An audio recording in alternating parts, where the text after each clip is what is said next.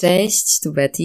Witam Cię w kolejnym 24 odcinku mojego podcastu Pierwszy Krok. Po wakacjach postanowiłam, że będę emitować swoje odcinki co środę. I tak oto mamy dzisiaj środę, jest prawie 21, a ja dopiero nagrywam odcinek.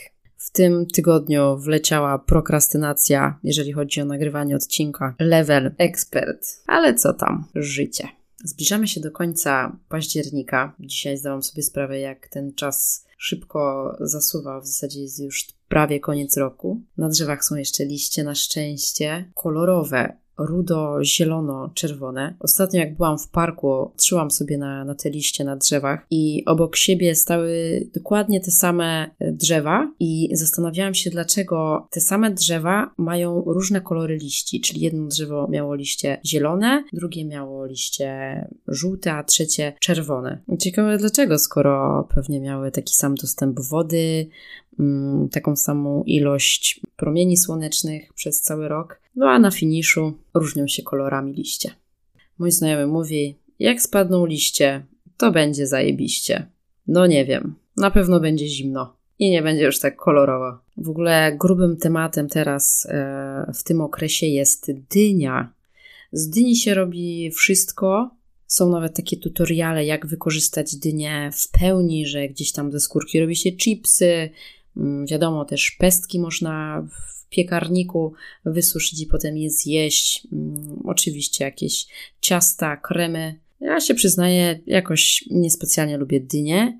Natomiast dynia bardzo mi się podoba, bo jest taka, jest taka pulchna, mm, jest taka napigmentowana tymi pomarańczowymi kolorami. Dynia wygląda jakby przez, nie wiem, przez kilka dobrych miesięcy jadła wszystko, karmiła się wszystkim bez, o, bez opamiętania. Dynia też nawiązuje do takiego święta, które się zbliża.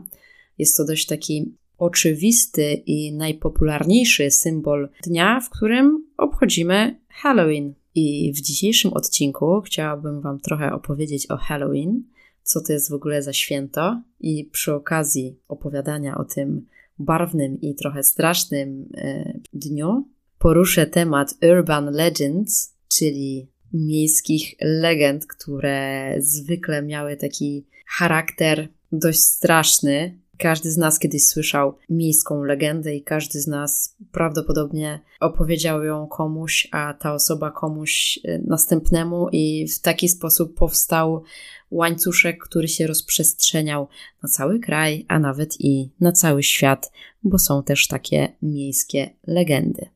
Jeśli chodzi o samo święto, dzień Halloween, w Polsce po raz pierwszy pojawił się ten dzień, powiedzmy w latach 90., prawdopodobnie przez oglądanie amerykańskich filmów. Internety wtedy nie działały, w zasadzie chyba nie było internetu w latach 90., więc jakby całą wiedzę za oceanu czerpało się z filmów, które były puszczane Halloween to święto jakby nie ma korzeni w Stanach Zjednoczonych, tylko w tradycji celtyckiej. Noc z 31 października na 1 listopada kończyła jeden rok i rozpoczynała kolejny. Celtowie wierzyli, że w tym szczególnym czasie zacierają się granice między światem żywych i umarłych.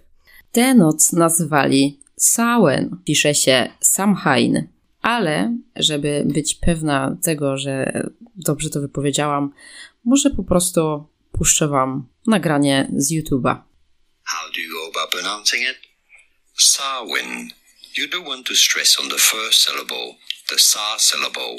The M in the middle, well, is kind of silent. Do not worry about it. Just say Sarwin. Sawen. Macie to?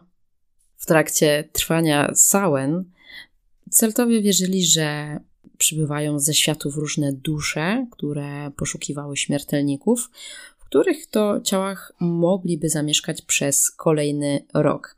Dlatego tej nocy ludzie zakładali najgorsze, jakieś podarte, stare, brudne ubrania, żeby odgonić od siebie duchy. I stąd właśnie wywodzi się Halloween, które swoją nazwę wzięło najprawdopodobniej od All Hallows Eve, czyli Wigilia Wszystkich Świętych. I święto to najhuczniej aktualnie obchodzone jest w Stanach Zjednoczonych, w Kanadzie, Irlandii oraz e, Wielkiej Brytanii. W Polsce to święto wzbudzało wiele kontrowersji właśnie ze względu na pogańskie e, pochodzenie tego święta. Zarówno w Stanach Zjednoczonych, jak i w wielu krajach na świecie Halloween obchodzi się w bardzo podobny sposób. Na pewno symbolem święta jest e, dynia, wydrążona dynia z wyciętym uśmiechem i oczami. No i zwykle w środku umieszcza się jakąś świeczkę i w ten sposób pełni rolę takiego lampionu, który daje taki mroczny klimacik. Poza tym ludzie przystrają swoje domy, wieszają jakieś pajęczyny, trupie czaszki, szkielety, czarownice. Dzieci przebierają się za różne postaci i wieczorem chodzą do, do domów, od domu do domu i proszą o jakieś słodycze, cukierki i krzyczą trick or treat, czyli cukierek albo psikus. Natomiast w Polsce nigdy nie spotkałam się z tym, żeby faktycznie dzieci chodziły od domu do domu z workiem cukierków. Mam wrażenie, że w Polsce bardziej na tym święcie korzystają dorośli, ponieważ w wielu klubach odbywają się przebierane imprezy, no i dorośli też spotykają się na różnych e, domówkach i również w kinach są organizowane maratony horrorów, których e, nie popieram, natomiast kto co lubi. Ja osobiście bardzo lubię to święto, ponieważ ten dzień stymuluje nas do robienia różnych kreatywnych rzeczy, do gotowania potraw z dynią w roli głównej albo innych różnych dziwnych potraw, które mają przypominać, emitować coś strasznego. Halloween stymuluje zarówno dzieci, jak i dorosłych, bo e, każdy w zasadzie może się przebrać. Dzieci prawdopodobnie mają jakieś różne eventy w przedszkolach i, i szkołach, natomiast dorośli na własną rękę mogą zorganizować na tę okazję jakieś e, wydarzenie, mogą się przebrać, przygotować coś fajnego, generalnie kreatywnie e, wykazać, dom przyzdobić. Więc to święto daje całe spektrum różnych ciekawych ciekawych, kolorowych możliwości. Przy okazji Halloween właśnie ch chciałam poruszyć temat e, miejskich e, legend, czyli urban legends. A czym w ogóle jest legenda miejska? Jest to pozornie prawdopodobna informacja albo historia, która jest rozpowszechniana najczęściej w różnych kręgach towarzyskich, także w internecie albo w mediach, która budzi u ludzi wielkie e, emocje, najczęściej te straszne. Zwykle taka legenda miejska mm, trochę elektryzuje słuchaczy, również prowokuje ich do różnych komentarzy, do dalszego przekazywania historii. Folkloryści, antropolodzy kultury czy psycholodzy nawet wyodrębnili trochę cech miejskiej legendy. Tak na przykład pierwszą cechą odróżniającą Urban Legends od choćby plotek jest jej treść i zwykle odwołuje się ona do lęku słuchacza przed utratą bezpieczeństwa, wiecie, jakieś porwania, inwazja kosmitów, atak terrorystów, duchy, choroba, napad, groźne zwierzęta albo jakiś niespodziewany przypadek losowy.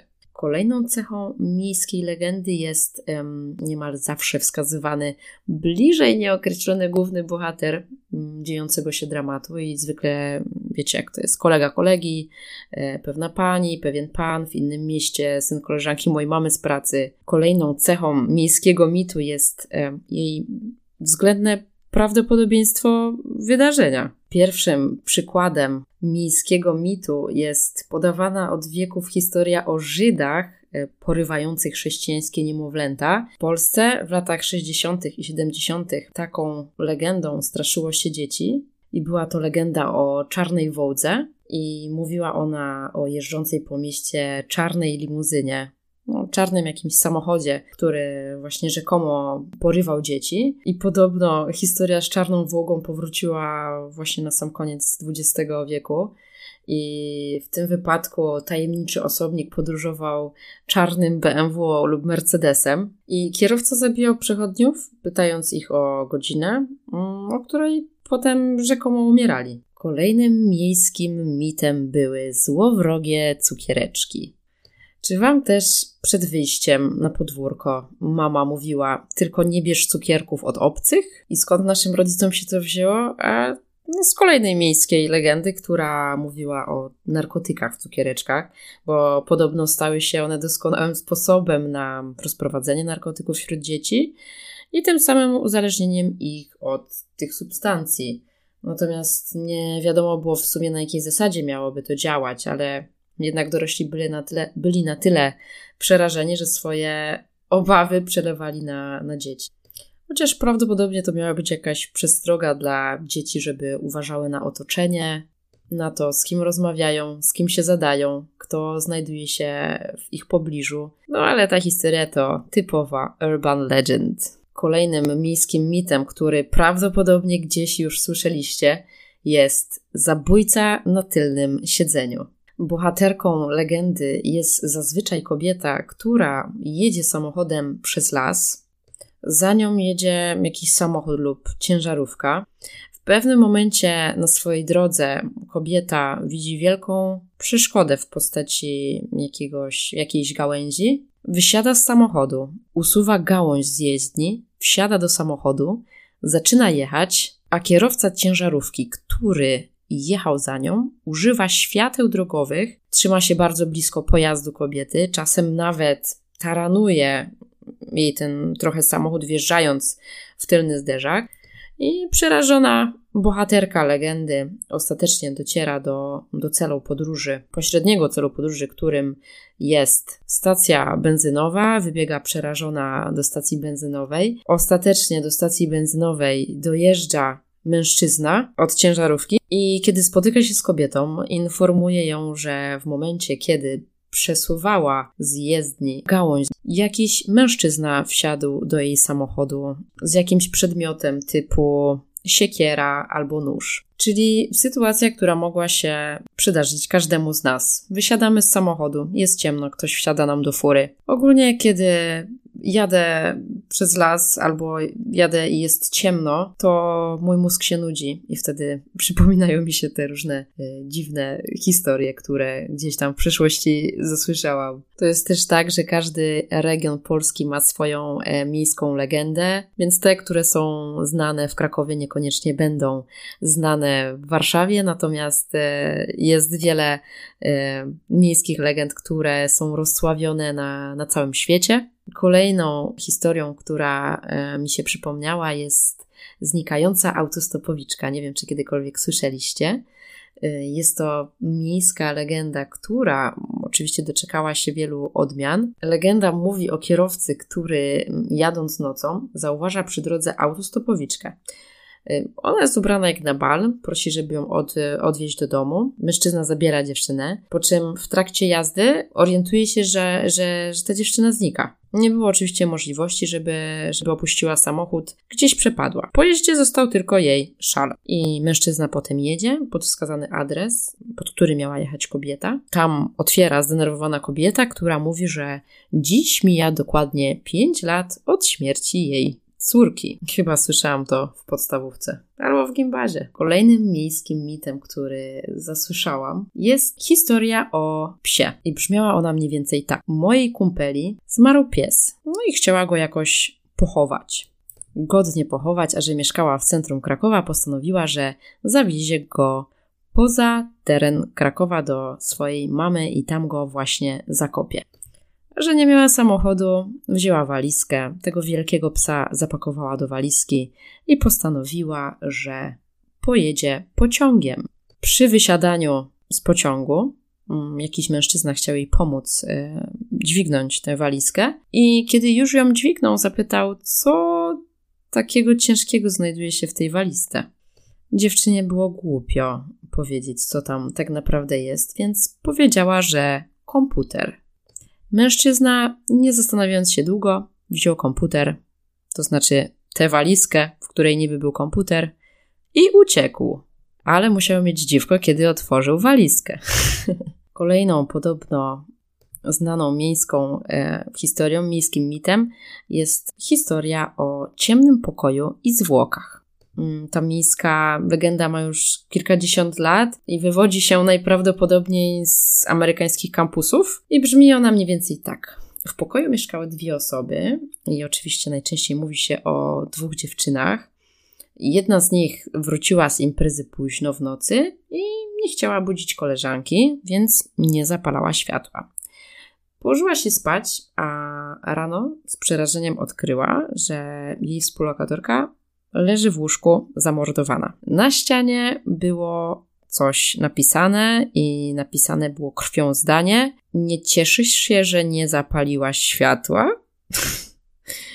Opowieść ta, mm, mimo że ma pewnie, nie wiem, jakieś pół wieku, nadal jest chętnie powtarzana pewnie w Stanach. Nie wiem, czy słyszeliście ją w Polsce. No ale można uznać, że, że jest to pewnego rodzaju przestroga dla, dla młodych ludzi, którzy zaczynają swoje życie z dala od domu, aby uważali na zagrożenia, jakie niesie za sobą świat po prostu.